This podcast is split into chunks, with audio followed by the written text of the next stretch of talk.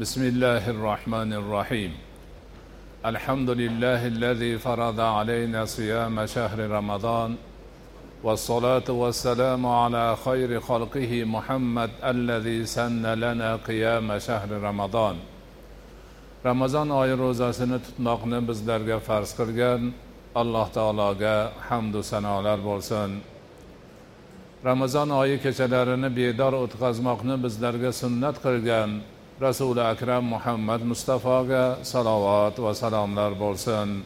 Assalomu alaykum va rahmatullohi va barakatuh. Azizlar ramazon oyida o'tkazayotgan ma'rifiy suhbatlarimizni davom ettiramiz. Hammangizga ma'lumki bu yilgi suhbatlarimizni allohning zikri ila qalblar orom topur deb nomlaganmiz. Va bu suhbatlarimizda asosan allohning zikri siz bilan biz tarafimizdan qay tarzda yo'lga qo'yilishi lozimligini naqshbandiya tariqati asosida bayon qilib kelmoqdamiz. Avvaldan aytdikki barcha alloh subhanahu va taolo siz bilan bizga farz vojib qilgan ibodatlar zikrning eng asosiysi eng kattasi hisoblanadi. Lekin shu bilan birga farz vojib sunnat ibodatlarni ado etib bo'lgandan so'ng alloh taologa yana ham yaqin bo'lish qurbat hosil qilish uchun nafl zikrlarni qilish yo'lga qo'yilgan. Ana o'sha nafl zikrlardan bir qanchasini aytib kelib oxirida namozlar nafl namozlarni aytaroq to'xtagan joyimiz shu bo'lgan ediki inson yotayotib e, demak ertalab tongdan avval turib tahajjud namozini o'qish niyati bo'lsa to'rt rakat sunnat namozi o'qib yotadi. Turishga niyati yo'q odatlanmagan bo'lsa oxirgi namozi vitr namozi bo'lishi kerak. Ana endi o'sha tongda turaman tahajjud namozini o'qiyman degan odam to'rt rakat sunnatni o'qib yotgandan keyin nafl namozni vaqti kelganda turadi. Tahajjud namozi eng afzal vaqti kechaning oxirgi uchinchi bo'lagida bo'ladi. Tahajjud namozi demak qiyom namozi ham deyiladi. Bunda inson o'rnidan turmog'i bor bezovta bo'lmog'i bor. Ana o'sha tahajjud namozini bir uxlab turmasa tahajjud namozi bo'lmaydi. Xuftondan keyin bir uxlab turib keyin o'qiladigan nafl namozni tahajjud namozi deydi. Tungi namoz deyiladi. Dinimizni avvalgi bosqichida kechasi bedor bo'lib qiyomullayl qilish tahajjud namozini o'qish vojib bo'lgan. Qur'oni karimdan oyat tushib rasuli akram alayhissalotu vassalomga xitob qilib qumillayla kechani bedor qoyim bo'lib o'tqiz degan buyruq bo'lgan. Hamma ana o'sha buyruqqa amal qilib kechasi namoz o'qigan. Bir yil muddatdan keyin alloh taolo o'zi har bir narsani bilib turganligini e'lon qilib bu ish endi ixtiyoriy nafl ibodatga aylanganligini e'lon qilgan.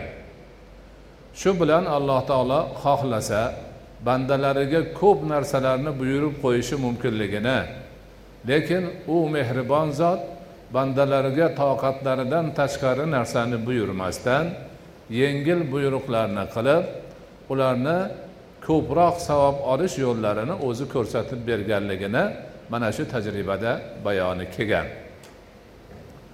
Ana alloh subhanahu va taolo qur'oni karimda auzu billahi minash shaytonir rojim. Va minal layli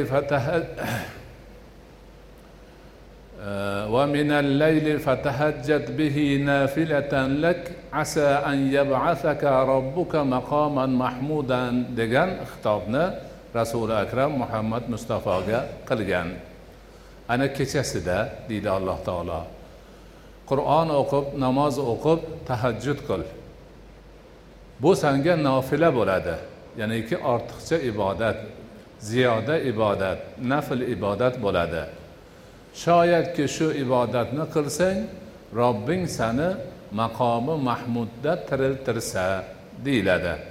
Maqomi mahmud maqtalgan maqom juda buyuk va sharafli joydir.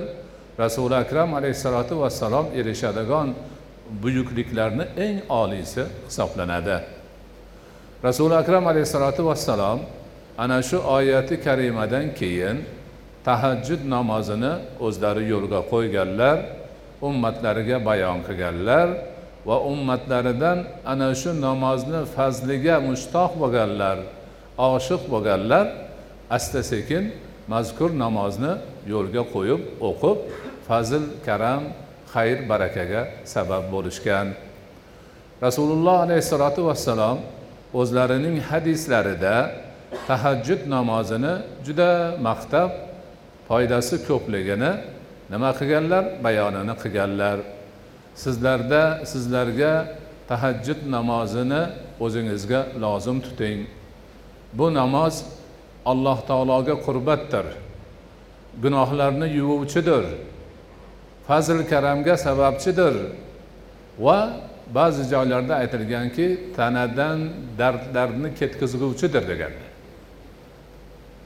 shunga o'xshash kechasi turib niyat bilan ixlos bilan tahajjud namozini o'qishda insonga juda ko'p xayr bor baraka bor. Alloh taologa qurbat bo'lishning oson yo'li bor yaqin bo'lishni oson yo'li bor. Fazilatlar juda ham ko'p. Ana mana shu namozni o'qish nihoyatda fazilatli kim xohlasa buni qiladi. Hammaga majburiy emas. Avval ham doimiy ravishda takrorlab kelayotganimizdek. Shu bilan nafl namozlar demak oxirgisi o'sha insonni tong otishdan oldingi o'qiydigan nafl namozi bilan tugaydi. Qolganlarini avvaldan tong otgandan boshlab e, xuftonga xuftondan keyingarchasini avval aytib o'tdik. Endi namoz nafl namozlaridan tashqari yana kundalik vazifa qilib naqshbandiya tariqatida joriy qilgan ibodatlar orasida nafl ro'zalar ham bor. Farz ro'za hozir tutib turibmiz. Har bir bandaga voyaga yetganidan keyin ramazon oyi ro'zasini to'liq tutmoq farzdir. Buni hamma tushunib ado etib boryapti. Shu ro'zani tutishi bilan bandani allohning huzuridagi ro'za bo'yicha majburiyati oxiriga yetadi. Boshqa farz ro'za yo'q. Lekin haligi namozdagi kabi qurbot hosil qilaman allohga yaqin bo'laman fazlga erishaman ruhimni poklayman martabamni yuqori qilaman degan odamlar ana nafl ro'za tutishlari targ'ib qilinadi. Nafl ro'zani ham namozga o'xshab har kim o'z bilganicha qilavermaydi. Rasuli akram alayhissalotu vassalomga bu borada ham ergashiladi. Naqshbandiya tariqatida nafl ro'za tutish to'g'risidagi kelgan tavsiyalarni barchalari rasuli akram alayhissalotu vassalomning sunnatlariga hadislariga asoslangandir. Avvalo rajab oyida ko'p ro'za tutish tavsiya qilinadi. Kamida besh kun degan ba'zilarimiz. Chunki rasuli akram alayhissalotu vassalom shuni qilganlar sahobai ikromlar e, sahih hadislarda kelgan rivoyatlarda aytadilarki rasuli akram alayhissalotu vassalom rajab oyida ko'p ro'za tutar edilar. Biz gohida oxirigacha tutib yuborsalar kerak deb qolar edik deyishadi. Ko'p tutganlaridan. Lekin to'liq oxirigacha tutmaganlar. Rajab oyi allohning muharram oylaridan ashhurul hurumdan hurmatli oylardan hisoblanadi. Rajab oyida urush harom qilingan musulmon ummati urushib bo'lmaydi. O'sha ashhurul hurum to'rt oy zulqada zulhijja mana bittasi rajab bittasi muharram. Mana shu oylarda musulmonlar mutlaqo urushishi mumkin emas. Hozirgilar o'rnak emas. Hozirgilar muharramni ham bilmaydi ramazonni ham bilmaydi rajabni bir birini qonini tokaveradi. Lekin aslida musulmon bo'lsa bu ishni qilmasligi kerak.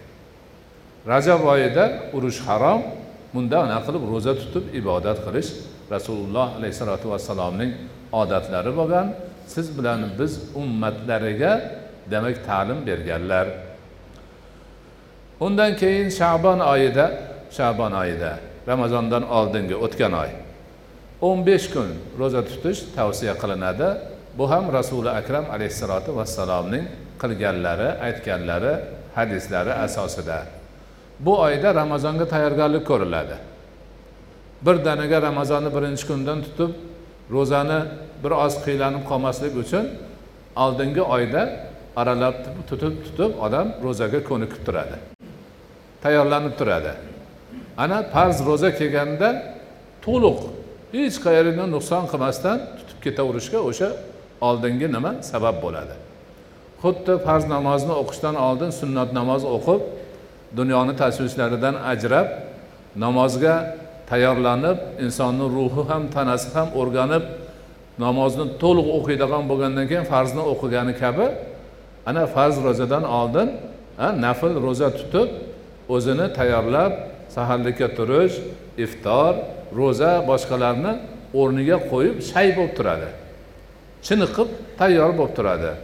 Bugun birinchi ramazon deganda to'g'rilab tutaveradi. Qiyinchilik yo'q odatlanib bo'lgan hammasi puxta ketadi. Ana shuning uchun shabon oyida o'n besh kun deb e, demak aytilgan mashoyihlar shuni rasuli akram alayhissalotu vassalomdan olganlar. Ramazoni sharifni ro'zasini tutib bo'lgandan keyin bu muborak oydan keyingiga keladigan shavvol oyidan olti kun ro'za tutmoq ham rasuli akram alayhissalotu vassalomning amallari siz bilan bizga ummatlariga ham tavsiya qilingan amallardan. Xohlagan kishilar istagan zotlar ana o'sha shavvol oyida oyni ichida qachon bo'lsa ham niyat bilan ana olti kunni bir yo'la tutadimi orasini uzib tutadimi bir kun bir kundan qilib yoki ikki kun qilib boshqa qilib nima bo'lsa ham o'sha oyni ichida olti kun nafl ro'zasini tutsa juda katta savobga ega bo'ladi. Rasuli akram alayhissalotu vassalom marhamat qilib aytganlarki kim ramazon ro'zasini tutib uni ortidan shavvoldan olti kunni qo'shsa ergashtirsa go'yoki yilni hammasini ro'za tutgandek bo'ladi deganlar. Alhamdulillah bizni ko'p odamlarimiz bu ro'zaga o'rganishgan. Har yili shavvol oyida tutishyapti. Bularni soni borgan sari ko'payib boryapti. Ajabmaski mana bu bayonotlardan keyin yana ko'paysa bunaqalar. Undan keyin undan keyin zulhijja oyi keladi. Ya'niki haj oyi. Haj oyida birinchi kundan to'qqizinchi kungacha to'qqiz kun nafl ro'za tutsa juda ulug' ish bo'ladi. Chunki zulhijja oyining birinchi o'n kuni kunduzlari yilning eng afzal kunduzlari hisoblanadi. Xuddi yaqinda keladigan ramazoni sharifni oxirgi o'n kechasi yilning eng buyuk kechalari ulug' kechalari savobli kechalari bo'lgani kabi zulhijja oyining birinchidan o'ninchisigacha nima kunduzlari yilning eng muborak kunduzlari bo'ladi. Eng ajri ko'p eng savobi ko'p kunduzlar bo'ladi. Ana o'sha kunlarni ro'za tutib o'tkazsa ajr ustiga ajr savob ustiga savob baraka ustiga baraka yaxshilik ustiga yaxshilik bo'ladi. Ana undan keyin muharram oyi keladi. Muharram oyini to'qqizinchi o'ninchi kunlarini ro'zasini tutish ashuro ro'zasi deyiladi. Ashura degani o'ninchi degani. O'ninchi kuni ashuro kuni rasuli akram alayhissalotu vassalom ro'za tutganlar. Keyin yahudiylar ham shu kunni ro'zasini tutadilar deganlarida sahobalar biz inshaalloh yanagi yilga to'qqizinchisini ham qo'shib tutamiz deganlar. Lekin o'zlari ungacha nasib qilmagan bu dunyodan intiqol qilib ko'chganlar. Shundan keyin ummat qabul qilib olib ashura oyini muharram oyini to'qqizinchi o'ninchi kunlarida nafl ro'za tutishga odatlangan. Bu juda ulug' kun hisoblanadi. Alloh taolo ko'p anbiyolariga najot bergan kun hisoblanadi. Yaxshilik xayr baraka kunlari hisoblanadi. Ana shu niyat bilan bu kunlarni ham musulmon ummati nafl ro'zasini tutishga odatlangan mashoyihlarimiz naqshbandiya tariqatini ulug'lari ham mana shu sunnat asosida shuni muridlariga o'rgatganlar. Undan keyin nafl ro'zalar borasida yana bir gap shuki o'sha rasuli akram alayhissalotu vassalomning tavsiyalari hadislariga binoan har oyning o'rtasida. Oy to'lgan kunlari uch kun nafl ro'za tutish rasululloh alayhissalotu vassalomning odatlari edi va sahobalar ham shuni davom ettirishgan undan keyin ham davom etib kelmoqda. Bu demak kunlar o'n uchinchi o'n to'rtinchi o'n beshinchi kunlar bo'ladi. Istaganlar savobga erishaman deganlar har oydan o'sha kunlarni nafl ro'zasini tutishsa nihoyatda yaxshi bo'ladi. Endi oxirida nafl ro'zalarni eng afzali eng ulug'i eng ko'p qilinadigani haftaning dushanba va payshanba kunlarini ro'zasini tutmoqdir. Rasuli akram alayhissalotu vassalom shu kunlarni nafl ro'zalarini tutganlar sahobalar tutganlar tobeinlar tutganlar ulardan keyingi azizlarimiz hozirgacha tutib kelmoqda. Haftaning dushanba va payshanba kunlari eng ulug' kunlar hisoblanadi. Birinchidan bu kunlarda bandalarni qilgan amallari robbilari huzuriga olib chiqiladi. Farishtalar dushanba kuni payshanba kuni siz bilan biz qilgan amallarimizni alloh taoloni huzuriga olib chiqib hisobot berishadi. Rasuli akram alayhissalotu vassalom payshanba va dushanba kunlarining ro'zasini fazlini bayon qilaroq. Bu kunlarda bandalarni amallari robbilariga arz qilinadi. Mani amalim ollohga ko'rsatilayotganda ro'zada turishni xohlayman deganlar. Ya'ni ro'za tutib niyat bilan ixlos bilan tursa amallar qabul qilib bo'lib qolishidan umidvorlik bor. Haligi amallarga amal qo'shiladi yaxshilik qo'shiladi banda o'zi ixtiyori bilan och qolib chanqab ro'za tutib robbisini eslab turganda uni amali robbisiga arz qilinsa qabul bo'lishi oson bo'ladi degan hadis sharif bor. Ana o'sha jihatdan bu kunlarni ro'zalari tutilishi sunnat bo'lgan. Yana bir fazil rasuli akram alayhissalotu vassalom dushanba kuni tug'ilganlar. Mana shu e'tibordan demak har haftaning dushanba va payshanba kuni ro'zasini tutish ruhiy tarbiya ustozlari mahkam ushlagan sunnatlardan muridlariga ta'lim bergan sunnatlardan hisoblanadi. Mana shu bilan demak naqshbandiya tariqatida rasuli akram alayhissalotu vassalomning sunnatlari asosida kishilarimizga muridlarga shogirdlarga muxlislarga tavsiya qilingan nafl ro'zalarni demak zikri ham tugaydi. Tugaydi. Endi boshqa narsalarga yanagi suhbatlarimizda o'tamiz inshaalloh. Shu bilan birga yana ta'kidlab aytishimiz kerakki bu ishlarni hammasi nafl ibodatlardir. Bandani alloh taologa yaqinlashtiradigan ajrini savobini ko'paytiradigan ibodatlardir.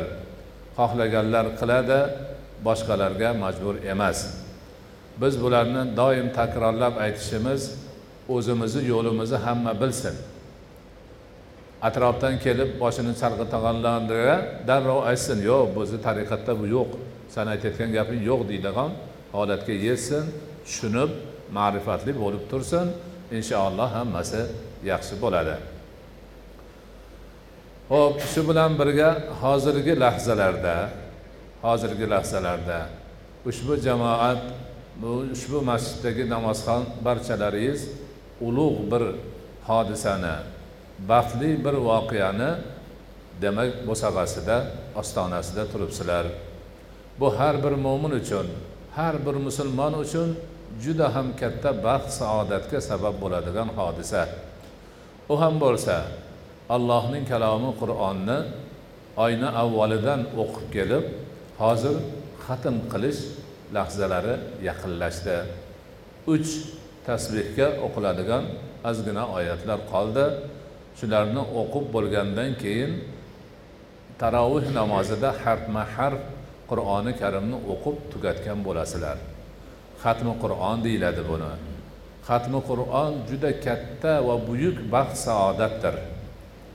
Xatmi qur'ondan keyingi lahzalar mo'min musulmon banda yashaydigan eng saodatli lahzalardir.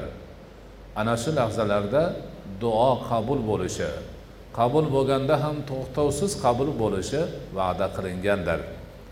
Ana shuning uchun sizlar baxtlisizlar. Ana shuning uchun sizlar saodatlisizlar. Kunduzlarini ro'za tutganlaringiz bir baxt katta baxt. Kechalari bedor bo'lib tarovihda qatnashishingiz baxt ustiga baxt. Lekin olloh nasib qilib xatmi qur'onga yetib kelib namozda qur'onni xatm qilish yana ham buyuk baxt bo'ladi. Ana o'sha lahzalarda duo qabul bo'lishidan umidvorligimiz borligi uchun duo qilamiz inshaalloh. Lekin hammamiz bilib qo'yaylikki duo degani ma'lum so'zlarni chiroyli qilib uni ber buni ber undoq qil bundoq qil deyishdan iborat emas. Bunday so'zlarni arab tilida talab deyiladi. So'rash. Ber ber qil u bu. Duo esa undoq emas. Duo duo. Bandaning ixlos bilan butun qalbi bilan qolibi bilan vujudi bilan alloh taologa yo'nalishidir. Hamma narsani unutib qo'yib qalbida yolg'iz ollohning muhabbati bo'laroq allohga yo'nalib butun o'zini topshirib qo'ygan holatini duo deyiladi. O'shaning uchun inshaalloh allohni yordami bilan hozir demak xatmni tugatadigan bo'lsak duo qilamiz. Lekin duo qilayotgan odam qilaversin u odam ham yaxshi bir ixlosni qilsin alloh nasib etsin. Lekin sizlarni har biringiz juda o'ta ixlos bilan ollohdan so'raydigan narsalaringizni o'zlaringiz ichingizda so'rab turinglar. Albatta tilga olib aytish shart emas. Ko'pchilikni duosiga qo'shilaveradi.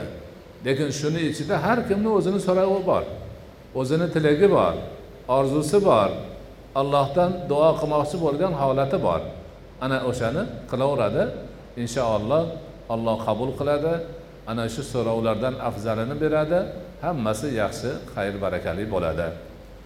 Shu bilan birga hozir manga bir ma'lumot tarzida aytishdi. Ushbu masjidni uzoq davom imomlari bo'lgan husan qori domlamiz juda ko'p mehnat qilganlar dinga diyonatga masjidga masjidni mana shu holatga keltirishda ham juda katta mashaqqatlarni tortib bu yerdagi azizlarimizga boshchilik qilib yelib yugurganlar bu yil bir oz toblari qochib qoldi. Hozir ham ana shu betobliklari bor ekan. Bir duo qilib qo'ysak degan umid bor. Shuning uchun alohida duo qilyapmiz. Hali xatmdan keyin ko'pchilikka qo'shib ham duo qilamiz. Lekin hozir shu kishini haqlariga bir duo qilaylik. Bismillahi rohmanir rohim alhamdulillah vassalatu vassalamu ala rasulillah. Alloh barcha bemor bandalaring qatori husan qori domlamizga o'zing shifoyi komil bergin. Shifoyi g'oyibiy bergin dardlarini aritgin. Parvardigoro u kishini sog' bo'lib salomat bo'lib avvalgidek bo'lib yanagi jamoatlarimizga kelib biz bilan qo'shilib o'zingni ibodatingni ado etishini bolalariga bosh bo'lib yurishini yana ko'plab xizmatlarni qilishini o'zing oson qilgin. Dardlarini parvardigoro shifoyi komil bilan davolagin. Doimo sog' salomat tinch omon yurishlarida o'zing yordamchi bo'lgin. وصلى الله تعالى على خير خلقه محمد وعلى آله وأصحابه أجمعين برحمتك يا أرحم الراحمين.